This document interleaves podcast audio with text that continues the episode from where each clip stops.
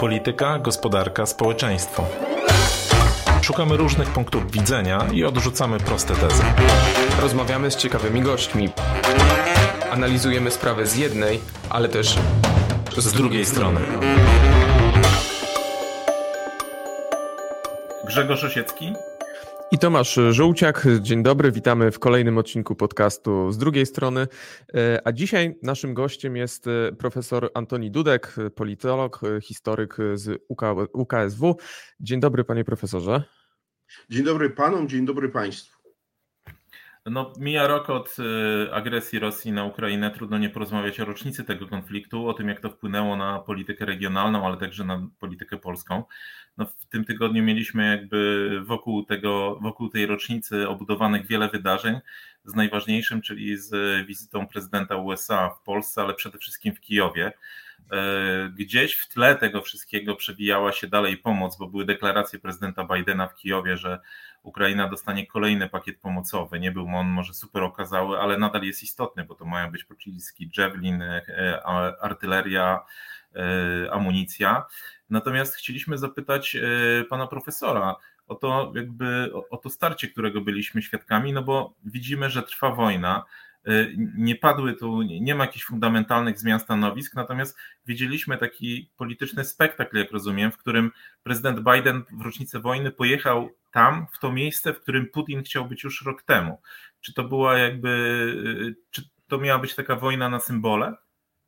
Tak, zdecydowanie tak. Ja mam takie wrażenie, że Biden przeciął tym swoją wyprawą do Kijowa spekulacje, że być może Amerykanie będą się już stopniowo wycofywać z popierania Ukrainy, że będą nakłaniać Kijów do jakiegoś kompromisu, do pogodzenia się z tymi stratami terytorialnymi, że ta wojna już Amerykę za dużo kosztuje. Nie, moim zdaniem Biden wysłał Putinowi bardzo jasny sygnał z Kijowa. Panie Putin, Ukraina dołącza do amerykańskiej strefy wpływów i jeśli pan myśli, że ja odpuszczę, to jest pan w głębokim błędzie i moja wizyta tu w Kijowie i ten spacer z Zełęskim jest tego dowodem. A te pakiety pomocowe to oczywiście będą kolejne szły.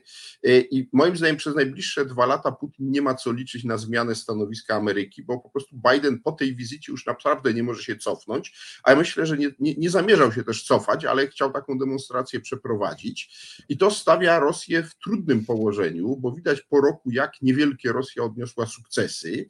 Y, a dla Putina, no mówiąc krótko, czas działa na jego niekorzyść. To było świetnie widać w czasie tego jego orędzia y, przed y, połączonymi izbami rosyjskiego parlamentu. Ja dość uważnie oglądałem to, ale nie pod kątem tego, co Putin mówił, bo on tam właściwie niczego nowego nie powiedział, ale pod kątem sali. Tam siedziała jednak rosyjska elita polityczna, znacznej części z partii Jedna Rosja, czyli tej partii putinowskiej. I owszem, tam mu bito brawo, od czasu do czasu, ale te oklaski były bardzo rachityczne i tam na twarzach było widać raczej znudzenie, zmęczenie, niepokój. Tam nie było widać entuzjazmu, takiej wiary w przekonanie, że zwycięstwo będzie po naszej stronie. A to jest fatalny sygnał dla Putina, bo to pokazuje, że on tam robił wrażenie sam zmęczonego, dosyć pokasującego starszego pana, który jakoś próbuje tą salę przekonać, że jest dobrze, a już niedługo będzie lepiej. Tam długo się rozwodził na temat stanu rosyjskiej gospodarki, jak ona sobie poradziła świetnie z sankcjami i tak dalej, ale żeby ludzie w to uwierzyli, tego na tej sali nie było widać. I ja w związku z tym mam podejrzenia, że te dwa lata będą będą dla Putina szalenie trudne. Dlatego on właściwie może liczyć jeszcze tylko na to, że ta najnowsza ofensywa, która się lada dzień zacznie, przyniesie jakieś znakomite efekty i sprawi, że on odzyska inicjatywę na wojnie, bo jeżeli nie, to ta kontrofensywa ukraińska, której ja się spodziewam gdzieś w okolicach kwietnia, maja, może być dla niego jeszcze boleśniejsza od tego wszystkiego, co się przez ostatnie pół roku, a więc od czasu, jak odparto spod Kijowa jego wojska, no może być dla niego to jeszcze bardziej yy, przykre. Czy Pana zdaniem, e, biorąc pod uwagę i przebieg tego konfliktu, i sytuację, e, która się wytworzyła faktycznie, tak jak Pan opowiada, wokół e, Putina, reakcję Zachodu, zjednoczenie Zachodu, czy to wszystko nie wskazuje, że na naszych oczach opada nowa żelazna kurtyna, tylko na, innym, na, na innej szerokości geograficznej?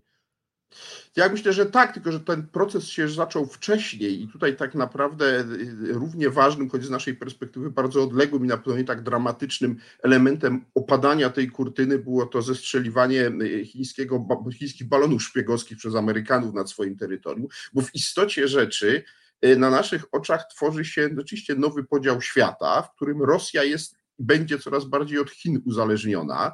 I tego, czego bym się najbardziej obawiał w kontekście dalszego rozwoju konfliktu na wschodzie, to silniejszego niż dotąd zaangażowania Chin po stronie Rosji, bo to jest to, o czym zaczyna mówić Amerykanie, sekretarz Blinken przed tym przestrzegał, inni amerykańscy politycy zaczynają o tym mówić. No, tu się rysuje na horyzoncie e, wizyta e, prezydenta Chin Xi Jinpinga w Moskwie. Mówi się o niej, że wiosną ma nastąpić. Jeżeli Chińczycy się bardziej zaangażują po stronie Rosji, no to to jest dla, można powiedzieć, Putina koło ratunkowe. Dlatego, że to, co mnie, powiem wprost, najbardziej cieszyło przez miniony rok, to w istocie rzeczy bierność Chin w tej sprawie. Dlatego, że Chiny oczywiście nie potępiły Rosji, ale to mało kto znający geopolitykę światową się spodziewał, że Chiny się od Rosji zdystansują, czy wręcz ją potępią. Natomiast też nie angażowały się specjalnie ze wspieranie Rosji w wymiarze militarnym, korzystały tylko po prostu z tanich rosyjskich surowców energetycznych, które Putin wyprzedaje gdzie się da, więc głównie w Chinach, nie mogąc ich sprzedać w takim zakresie jak dotąd w Europie.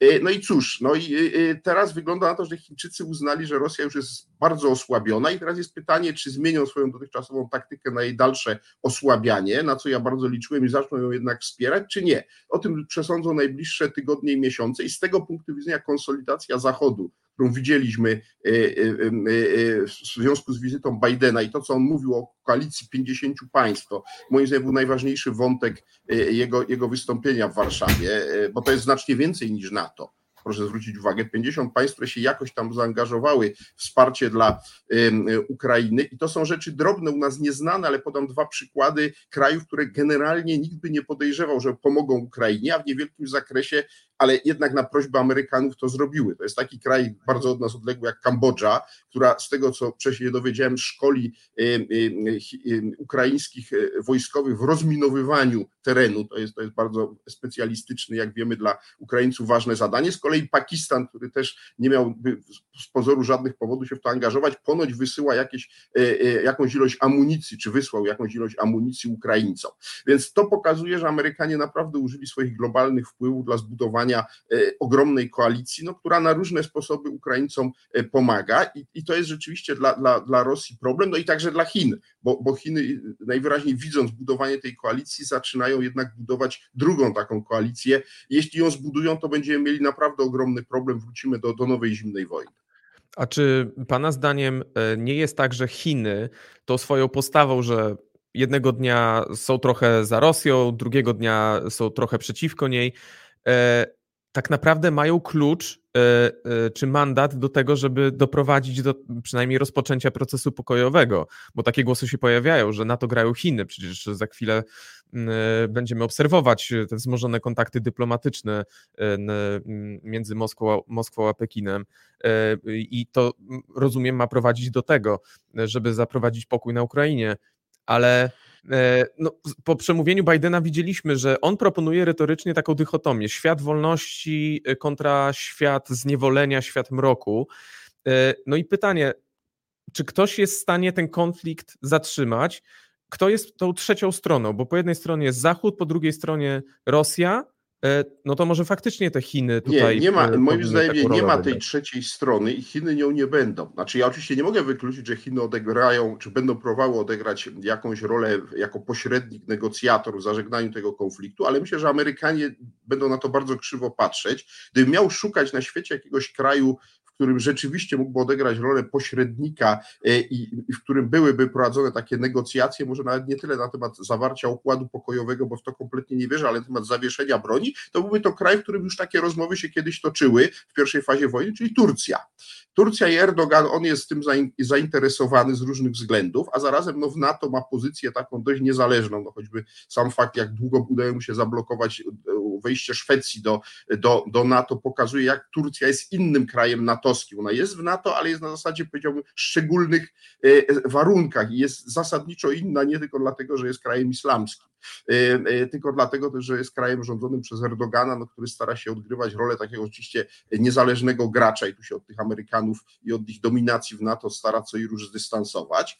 Y, I, I tutaj bym raczej upatrywał tego. Natomiast czy takie rozmowy się zaczną? Moim zdaniem zaczną się najwcześniej latem tego roku po dwóch ofensywach, o których mówiłem. Znaczy najpierw musimy przetrzymać ofensywę, e, e, przetrzymać, no, zobaczyć jakie będą efekty ofensywy rosyjskiej, która się lada dzień zacznie i później spodziewam się tej ofensywy późnowiosennej, kontrofensywy ukraińskiej. I kiedy ten kurz bitewny po tych dwóch ofensywach opadnie, okaże się, czy linia frontu uległa istotnej zmianie, czy nie. I tu postawię sobie, może postawię pewną spekulację, ale jeżeli linia frontu w istotny sposób się nie zmieni w stosunku do obecnej, to moim zdaniem nie będzie żadnych rozmów, nie będzie żadnych negocjacji, Będą, będzie po prostu to wojna pozycyjna na wyniszczenie i trwała bardzo długo, natomiast jeżeli linia frontu ulegnie zasadniczej zmianie w stosunku do stanu obecnego, to paradoksalnie y, szansa na roz, rozmowy na temat rozejmu się zwiększy. Y, I to zarówno w przypadku, gdyby sukcesy odnieśli Rosjanie, co oczywiście mnie martwiło, jak i gdyby sukcesy odnieśli Ukraińcy, ponieważ jedna ze stron zacznie mieć poczucie, że ewidentnie przegrywa.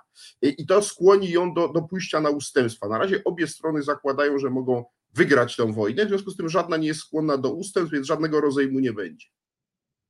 A ja chciałem zapytać o taką rzecz, trochę już y, idąc do Polski, ale widzimy z jednej strony deklaracje takie rosyjskie, gdzie, nie wiem, Miedwiediew na przykład, y, czy inni oficjele odwiedzają fabryki czołgów, gdzie tam jest zapowiadane, że Rosja właśnie zwiększa produkcję albo na przykład będzie modernizowała, czyli widać, że nastawia się na jakby na konflikt, czy inaczej, straszy, pokazuje, że jest gotowa do konfliktu wieloletniego.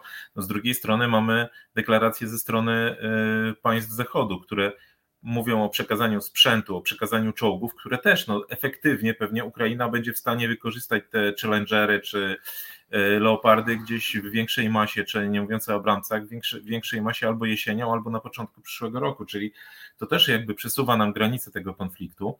E, Biden też użył takiego sformułowania, że Putin liczył na e, finlandyzację NATO, a na, następuje natoizacja Finlandii tak, i Szwecji. Znaczy, Jaki wpływ to ma jakby na status Polski i na naszą pozycję międzynarodową? No rozumiem, że wzmacnianie na to na pewno pozytywne, ale jakby ta, ta, ta, ta wojna na determinację, jak to wpływa na, y, na to, jak y, na Polskę? Znaczy, to oczywiście ten wpływ jest wielopoziomowy, natomiast w tym wymiarze czysto militarnym no jest jasne, że znaczenie Polski znowu wzrosło. Mówię niestety wzrosło, bo e, no, byliśmy areną e, dwóch wojen światowych i, i, i niestety kto wie, czy, czy w jakimś najbardziej skrajnie pesymistycznym rozwoju wydarzeń nie będziemy areną trzeciej wojny światowej, jedną z głównych aren. Natomiast e, no, dziś to nie jest przesądzone, natomiast przesądzone jest co innego, a mianowicie, że wschodnia flanka NATO stanie się na to w tej dekadzie najważniejszą z jej flank, to po pierwsze, i po drugie, że będzie się najintensywniej zbroiła. A w ramach tej wschodniej flanki NATO najbardziej zbroiła się będzie Polska i to się już zaczęło.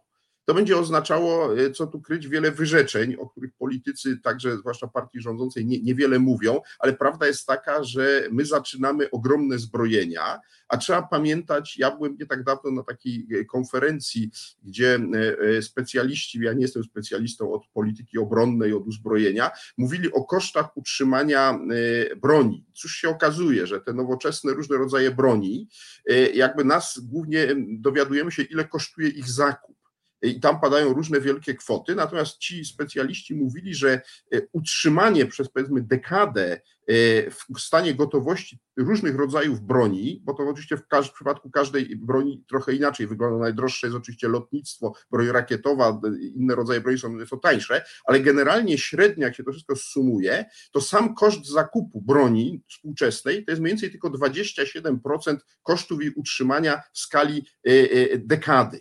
E, czyli e, mówiąc krótko, prawdziwe koszty się zaczynają dopiero wtedy, jak te F-35, e, te Abramsy i te armato haubice z Korei i inne rzeczy, samoloty z Korei przyjadą i trzeba je będzie utrzymywać w stanie gotowości przez 10 czy więcej lat. I z tego trzeba sobie zdawać sprawę, że my, ja nie mówię tego po to, żeby tego nie robić, ja tylko mówię o to, o, mówię o tym, że potrzebny jest ponadpartyjny konsensus na temat kontynuacji tego, tej polityki obronnej i prowadzenia jej w sposób sposób przemyślany, żeby nie było powrotu do akcji pana Macierewicza, że się będzie wypowiadać jakieś kontrakty, że się będzie wokół tego urządzać jakieś gry polityczne, bo gry polityczne sobie można urządzać wokół systemu podatkowego, można się awanturować o, o taką czy inną wypowiedź polityka, ale nie można urządzać awantur wobec polityki obronnej, polityki zagranicznej, bo jesteśmy w takim, a nie innym miejscu w świecie, w Europie i z tą sprawą nie ma po prostu żartów. I to muszą polscy politycy zacząć rozumieć, trzeba im to powoli zacząć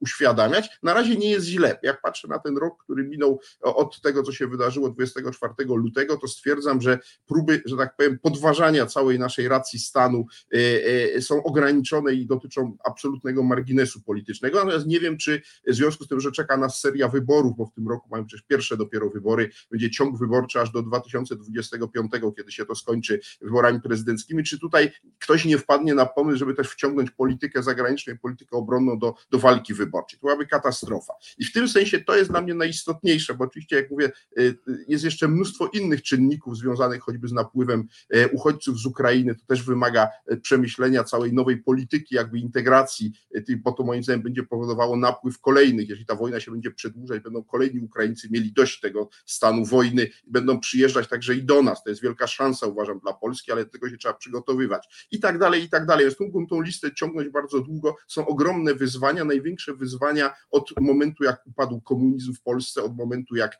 e, skończyła się tamta zimna wojna. Teraz zaczęła się nowa zimna wojna i trzeba z tego wyciągnąć wnioski.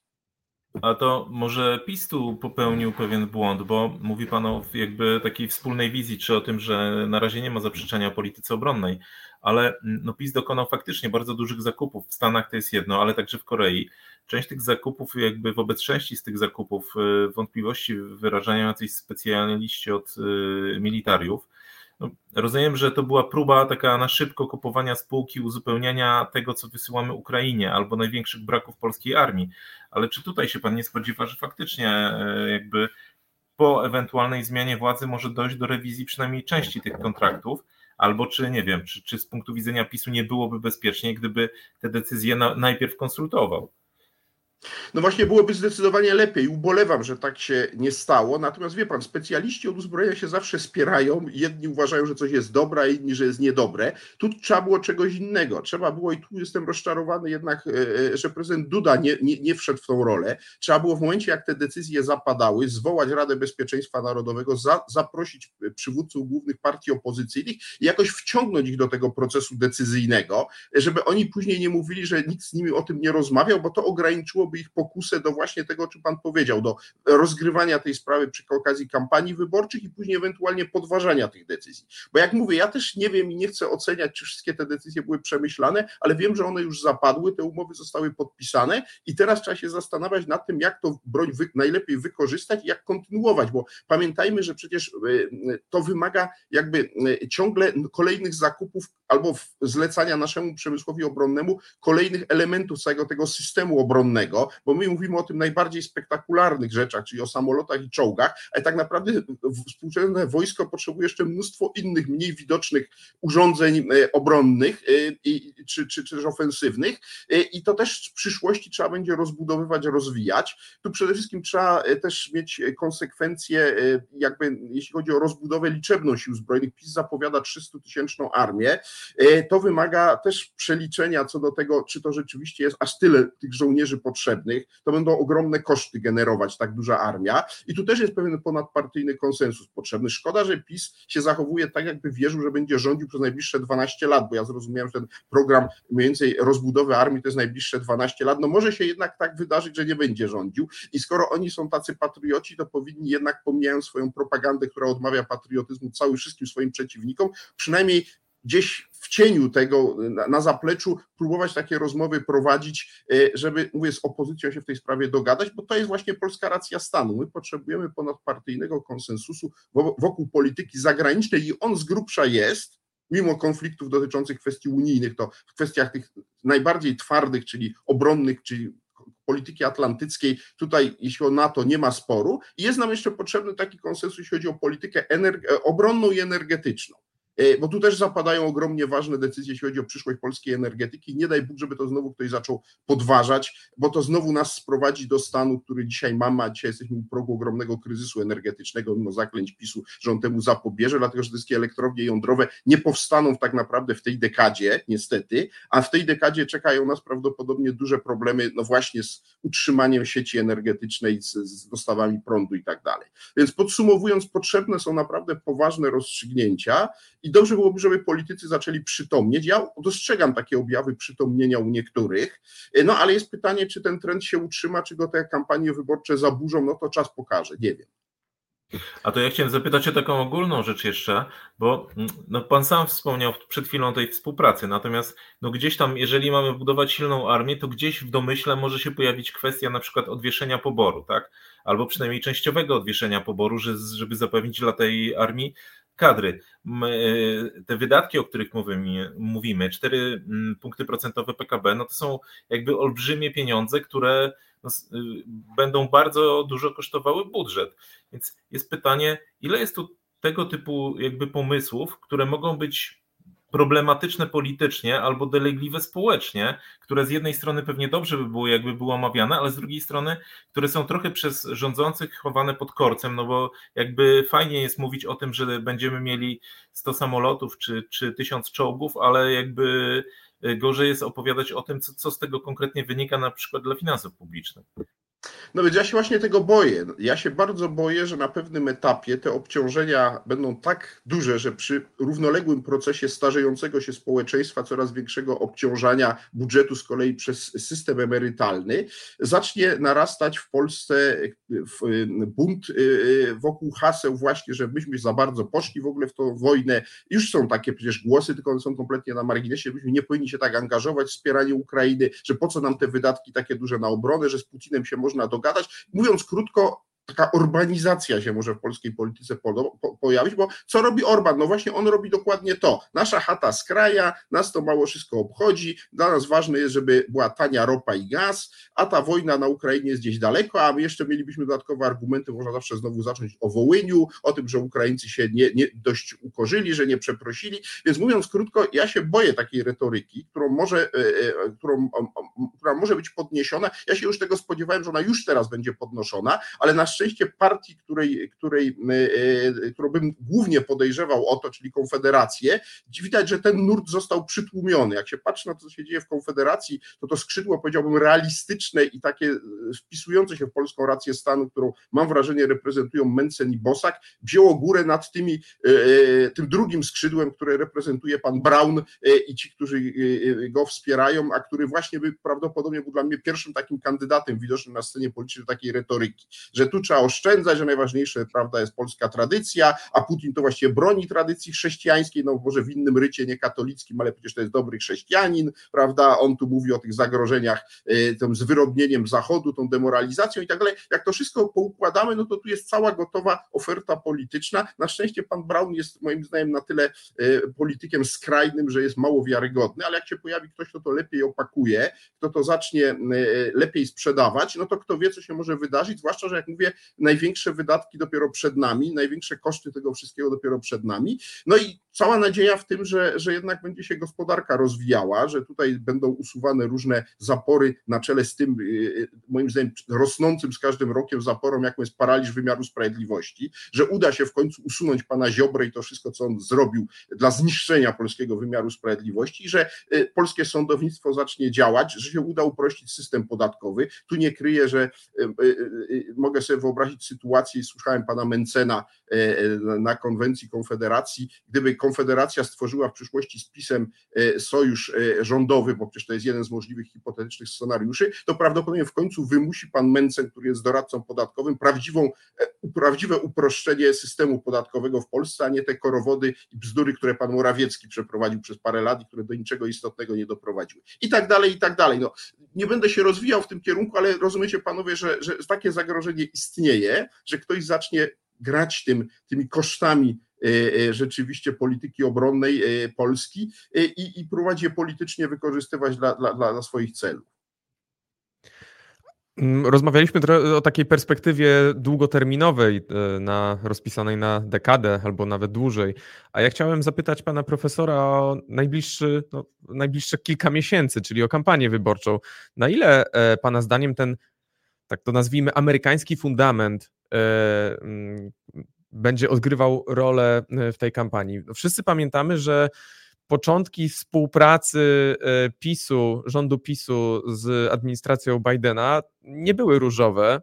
Wręcz pojawiały się ze strony działaczy PiS takie sugestie, że, że na przykład martwe dusze zagłosowały na Joe Bidena. Ten początek był naprawdę słaby. I pytanie, czy to wrażenie udało się zatrzeć na tyle, żeby PiS był w stanie pokazać, że te relacje z Amerykanami, no, no jest taki utarty frazes, że są y, silne jak nigdy, y, że ten sojusz jeszcze nigdy nie był tak, y, tak, tak mocny.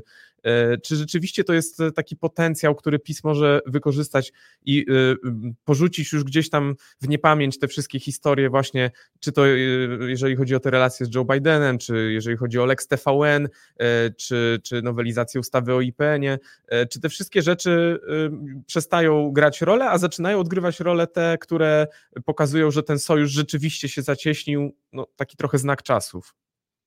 Tak, myślę, że rzeczywiście tak jest, że PiS y, o 180 stopni zmienił, poprawił, można powiedzieć, swoje relacje z, z, administracją Bidena i to oczywiście jest efekt y, wybuchu tej nowej fazy wojny w Ukrainie, tej najbardziej dramatycznej, najbardziej gwałtownej i te wszystkie kwestie, o których Pan wymieniał, zeszły kompletnie, one poszły po prostu do podręcznika historii, natomiast one dzisiaj nie grają w ogóle istotniejszej roli w relacjach polsko-amerykańskich, bo tu się liczą przede wszystkim kwestie związane z coraz większą obecnością militarną Amerykanów, z coraz większymi zakupami amerykańskiej broni przez Polskę. Przy okazji także technologii, jeśli chodzi o energetykę jądrową, też przecież zostały kolejne porozumienia przy okazji wizyty Bidena podpisane w tej sprawie.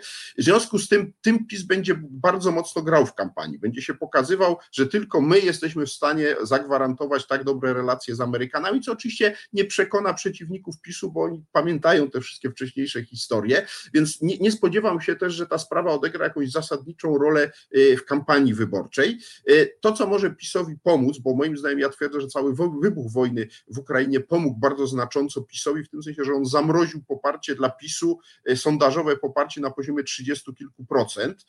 I moim zdaniem tu najbardziej PiSowi pomaga właśnie konflikt w Ukrainie, jego eskalowanie.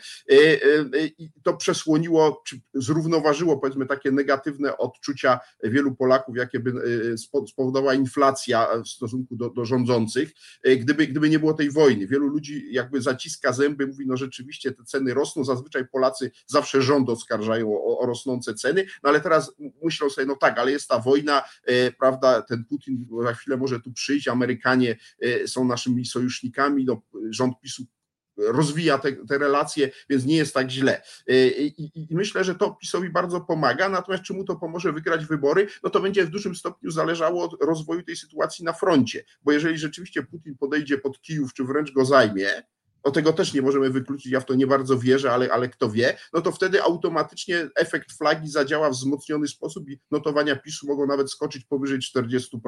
I PiS może mieć to, o czym, o czym prezes Kaczyński marzy, czyli trzecią kadencję samodzielnych rządów. Ale to na razie jest moim zdaniem scenariusz mało prawdopodobny. Bardziej prawdopodobne jest to, że e, e, PiS wejdzie do następnego Sejmu z największym klubem poselskim, ale ten klub nie będzie miał samodzielnej większości i PiS będzie musiał sobie znaleźć koalicjanta i wtedy zacznie się e, prawdziwa rozgrywka, w którym nie, niewykluczone, że języczkiem uwagi będzie wspomniana Konfederacja z kilkunastoma czy dwudziestoma kilkoma posłami, bez których ani jedna, ani druga strona, czyli ani e, opozycja nazywająca się demokratyczną, ani PiS nie będzie w stanie stworzyć większości rządowej. I to będzie bardzo ciekawa sytuacja. Ja chciałem pana profesora dopytać o jedną rzecz w kontekście tego, o czym pan powiedział przed chwilą, czyli po pierwsze o rozstrzygnięciu wyborczym, a po drugie o takim mało prawdopodobnym wariancie, jak pan powiedział, czyli podejścia Rosjan pod Kijów.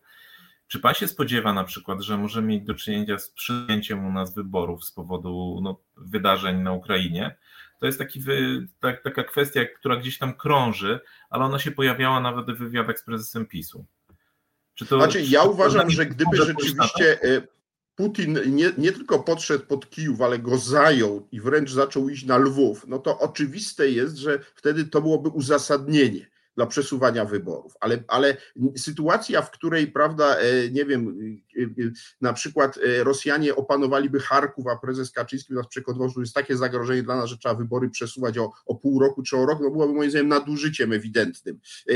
Więc tutaj, tutaj wszystko zależy oczywiście od rozwoju sytuacji na froncie, natomiast ja po prostu uważam, że PiS przesuwając kolejne wybory, bo przypominam, że już przesunął, moim zdaniem, idąc, powiem brutalnie, na krzywy ryj, tak to trzeba określić, pod idiotycznymi pretekstami, że się nie da w ciągu sześciu tygodni po wyborach samorządowych zrobić wyborów parlamentarnych, przesunął je na wiosnę, gdzie zresztą też kolidują z wyborami europejskimi, więc gdyby teraz przesuwał wybory parlamentarne, no to w istocie rzeczy strzelałby sobie w kolano, bo te wybory musiałby kiedyś przeprowadzić i Polacy by go ukarali za ewidentne nadużycie władzy, dlatego że przesuwanie daty z kolei wyborów kolejnych już parlamentarnych z powodu właśnie jakichś tam wydarzeń gdzieś tysiąc kilometrów od naszych granic nie jest poważne.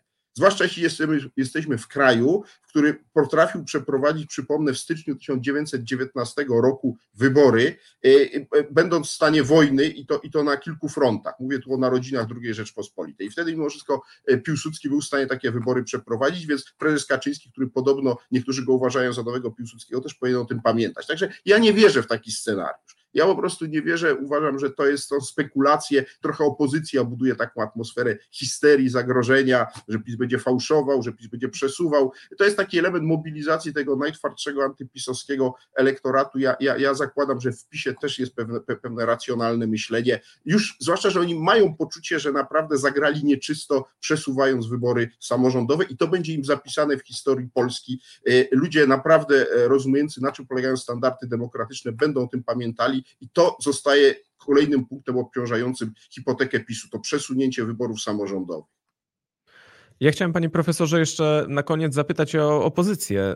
Y, jak ona w tym wszystkim się odnajduje? Czy jej, czy jej to wychodzi? Bo mm, ona nie, ona, nie będąc u władzy, nie może liczyć na ten e, tak zwany efekt e, zbiórki pod sztandarem. To, co pozwoliło, jak pan wspomniał, PiSowi zamrozić te swoje sondaże na takim, a nie innym poziomie, mimo trudnych czasów. Widzieliśmy też na przykładzie wizyty Joe Bidena, kiedy no, politycy, czołowi politycy opozycji próbowali się ogrzać trochę w tym światełku amerykańskiego przywódcy. Trochę chyba ten balonik przepompowali, bo, bo najpierw pojawiły się takie nieoficjalne zapowiedzi, że, że uwaga, Donald Tusk się spotka, Rafał Trzaskowski się spotka, marszałek Grocki się spotka. E, no potem jednak to wrażenie trochę mm, prysło, bo e, wyglądało to na, na to, że po prostu ustawili się grzecznie w kolejce i e, nastąpił tak zwany shaking hands i, i krótka kurtuazyjna wymiana zdań. Więc pytanie, jak w tym wszystkim ma się odnajdywać opozycja i czy jej to wychodzi? No słabo wychodzi to opozycji i rzeczywiście ta historia z Bidenem jest przykładem tego, chociaż ona nie jest istotna, bo to jest oczywiste, że jak głowa państwa przyjeżdża do innego kraju, to się spotyka przede wszystkim z rządzącymi tym państwem, do którego przyjeżdża, a nie z działaczami opozycji czy liderami opozycji. Tutaj nie było co liczyć na jakieś ekstra spotkania, więc, więc to, to było absurdalne, ale to nie jest główny problem opozycji. Głównym problemem opozycji jest dzisiaj to, że e, e, lider głównej partii opozycyjnej, Donald Tusk, jest, y, powiedziałbym, traktowany z gigantyczną nieufnością przez pozostałych liderów pozostałych partii opozycyjnych i tak naprawdę nikt nie chce z nim współpracować. I to jest podstawowy problem y, dla, dla całej opozycji, bo efekt Tuska, który uratował Platformę Obywatelską przed degradacją i on rzeczywiście zadziałał. Zastąpienie półtora roku temu, czy już prawie niedługo będą dwa lata, e, Borysa Budki przez, przez Donalda Tuska uratowało Platformę w roli głównej siły opozycyjnej. Zarazem, jak dzisiaj widzimy, zablokowało procesy integracyjne na e, opozycji, ponieważ nikt z Tuskiem nie chce współpracować e, i to widać bardzo wyraźnie. Czy to znaczy, że to przekreśla szansę opozycji na zwycięstwo? Nie ciągle to jest możliwe, jeśli opozycja pójdzie na nie więcej niż trzech listach, czyli mam na myśli ostatecznie ten proces integracji Koalicji Polskiej i Ruchu Hołowni, który się zapoczątkował, znajdzie finał w postaci wspólnej listy i ci dwaj najsłabsze, dwa najsłabsze podmioty e, e, po stronie opozycyjnej się połączą. E, może nie najsłabsze, bo Ruch Hołowni no powiedzmy jest mocniejszy w sumie od lewicy w większości sondaży, ale nie będzie sytuacji takiej, w której któryś z tych czterech podmiotów, które tworzą dzisiaj opozycję, spada poniżej progu i to daje PiSowi dodatkowego bonusa, jak to się stało zwłaszcza w 2015 roku, to jeśli ten scenariusz się nie zrealizuje, opozycja ciągle może mieć szansę żeby łącznie te cztery podmioty miały ponad 230 mandatów w kolejnym Sejmie. Taki scenariusz jest możliwy, tylko jest pytanie, czy do tego czasu oni się tak nie pokłócą, że później się okaże, że rząd tak zwanej kordonowej koalicji, jak go nazywam, antypisowskiej się okaże niemożliwy, zwłaszcza pod przewodem Tuska ponieważ y, czy to y, Kosiniak, czy to Hołownia, czy to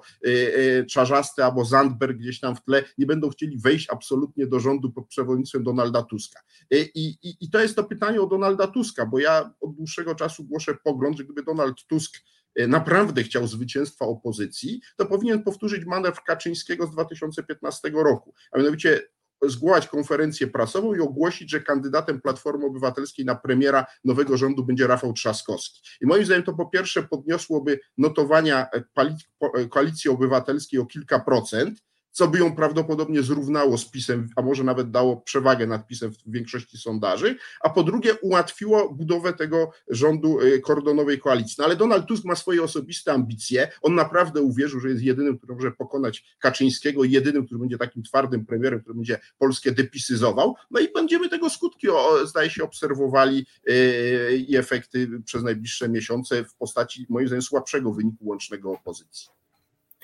a może po prostu Tusk czeka, ale o tym będziemy się mogli przekonać jakby w może. kolejnych miesiącach, e, śledząc kampanię wyborczą i pewnie jeszcze z panem profesorem na ten temat rozmawiając, bo tematów się pojawi dużo. Za dzisiejszą rozmowę bardzo dziękujemy o tym, co, oznaczała, co oznaczał dla Polski rok wojny i co będzie oznaczał, jakie są wymagania stawiane polskiej klasie politycznej.